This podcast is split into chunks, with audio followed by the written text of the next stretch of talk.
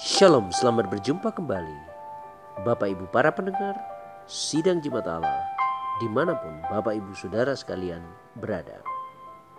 Saya percaya Bapak Ibu Saudara sekalian dalam kondisi yang sehat, diberkati oleh Tuhan, dipelihara dalam segala kebaikan, serta kemurahan Tuhan. Kita akan segera mendengarkan firman Tuhan dengan judul Menguatkan. Yohanes pasal yang ke-13 ayat yang ke-34 berkata demikian. Jawab Yesus, "Ke tempat aku pergi, engkau tidak dapat mengikut aku sekarang, tetapi kelak engkau akan mengikut aku." Seorang pengamat bertanya kepada seorang mandor yang mengawasi sebuah regu penghancur material-material tembok.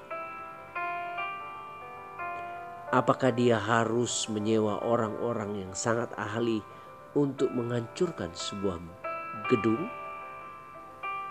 Tidak juga, jawab sang mandor itu. Saya hanya memerlukan orang-orang yang kuat, orang-orang yang dapat menghancurkan sesuatu dalam beberapa jam saja. Padahal diperlukan bertahun-tahun untuk membangunnya. Tidak pernah diperlukan waktu yang lama untuk menghancurkan dibanding waktu untuk membangun sesuatu. Bapak Ibu para pendengar yang dikasih Tuhan, Yesus Kristus memakai tiga tahun pelayanannya di bumi ini untuk membangun kelompok orang-orang yang dia sebut muridnya.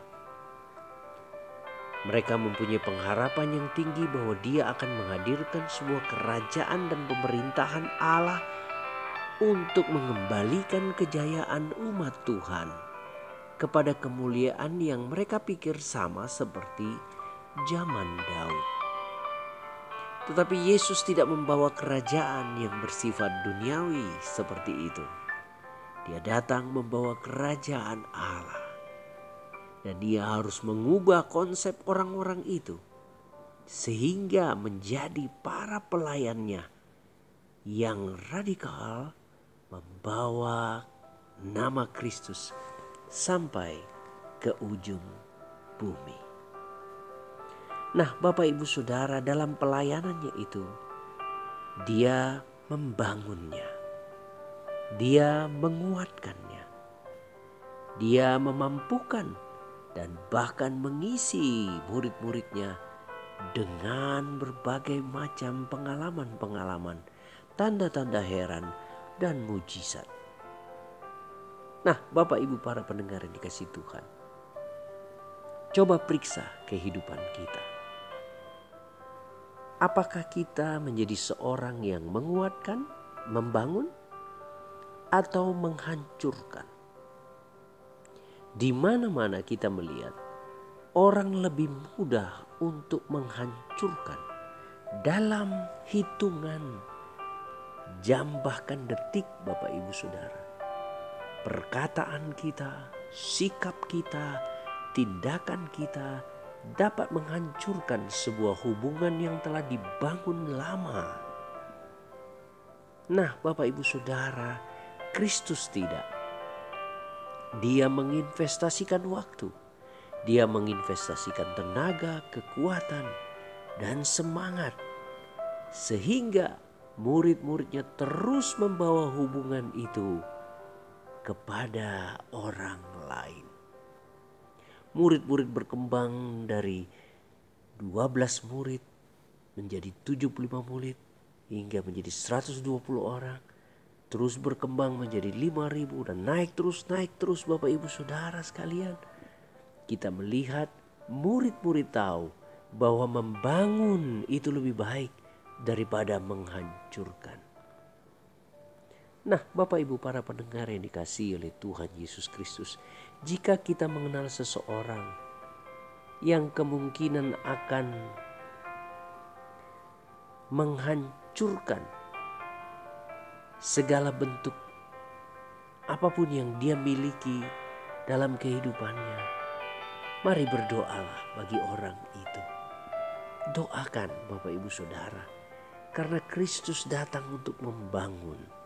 Terlalu mudah untuk menghancurkan Bapak Ibu Saudara. Menghancurkan persahabatan, menghancurkan persaudaraan, menghancurkan rekan-rekan. Terlalu mudah. Tetapi hal yang paling penting adalah mari kita mengisi hari-hari kita mulai membangun orang. Sehingga orang-orang yang telah dibangun akan dapat juga membangun orang lain. Nah, maukah Bapak Ibu menjadi seorang yang mau membangun dan menguatkan? Yesus melakukannya Bapak Ibu. Sekiranya Yesus tidak terlebih dahulu mempersiapkan murid-muridnya sebelum dia berangkat ke sorga, maka saya pikir apa yang akan dilakukan murid-murid adalah bersifat menghancurkan. Tetapi Tuhan Yesus menguatkan mereka, menghiburkan mereka, bahkan berjanji menyertai mereka. Nah, kalau murid-murid saja bisa dipakai Tuhan untuk membangun, mari hari ini putuskan diri dan kehidupan kita. Jadikan diri kita sebagai orang yang membangun Bukankah indah Bapak Ibu ketika kita melihat hasil bangunan yang sudah jadi, mungkin sistem yang sudah jalan, cara kerja yang sudah mulai membaik, bangunan-bangunan lain, baik itu bangunan hubungan, bangunan pekerjaan, bangunan masa depan kita, bukankah indah hasilnya bukan? Sayangnya ada orang-orang yang susah melihat kita senang. Dan yang lebih parah lagi, senang kalau melihat kita susah. Orang-orang seperti ini tidak akan pernah membangun dalam kehidupan kita. Kelihatannya mereka baik, kelihatannya mereka sangat perhatian. Tetapi Bapak Ibu Saudara sekalian, mereka ingin menghancurkan.